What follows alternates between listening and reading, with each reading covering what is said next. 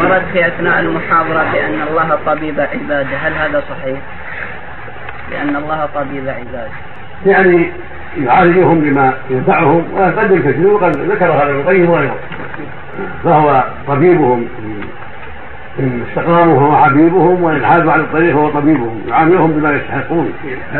فالمؤمن وسط والمعاند يخذل ويصاب بما يضره. ولا حول ولا بالله لكن ليس من أسماء الله الحسنى ليس قدري. لكن المعنى صحيح.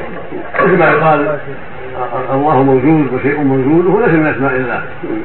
ما ثبت عن والله خلق الأشياء وصنع الأشياء. سبحانه وتعالى ثبت عن ابي الذر ما تذكر قال ماذا تشكو؟ قال أشكو ذنوبي قال ما من الذي أن نستدعي لك طبيبا؟ قال هو الذي اضجعني هذا يروى عن الصديق لا غنى عنه احد الطبيب يروى عن الصديق أبي بكر.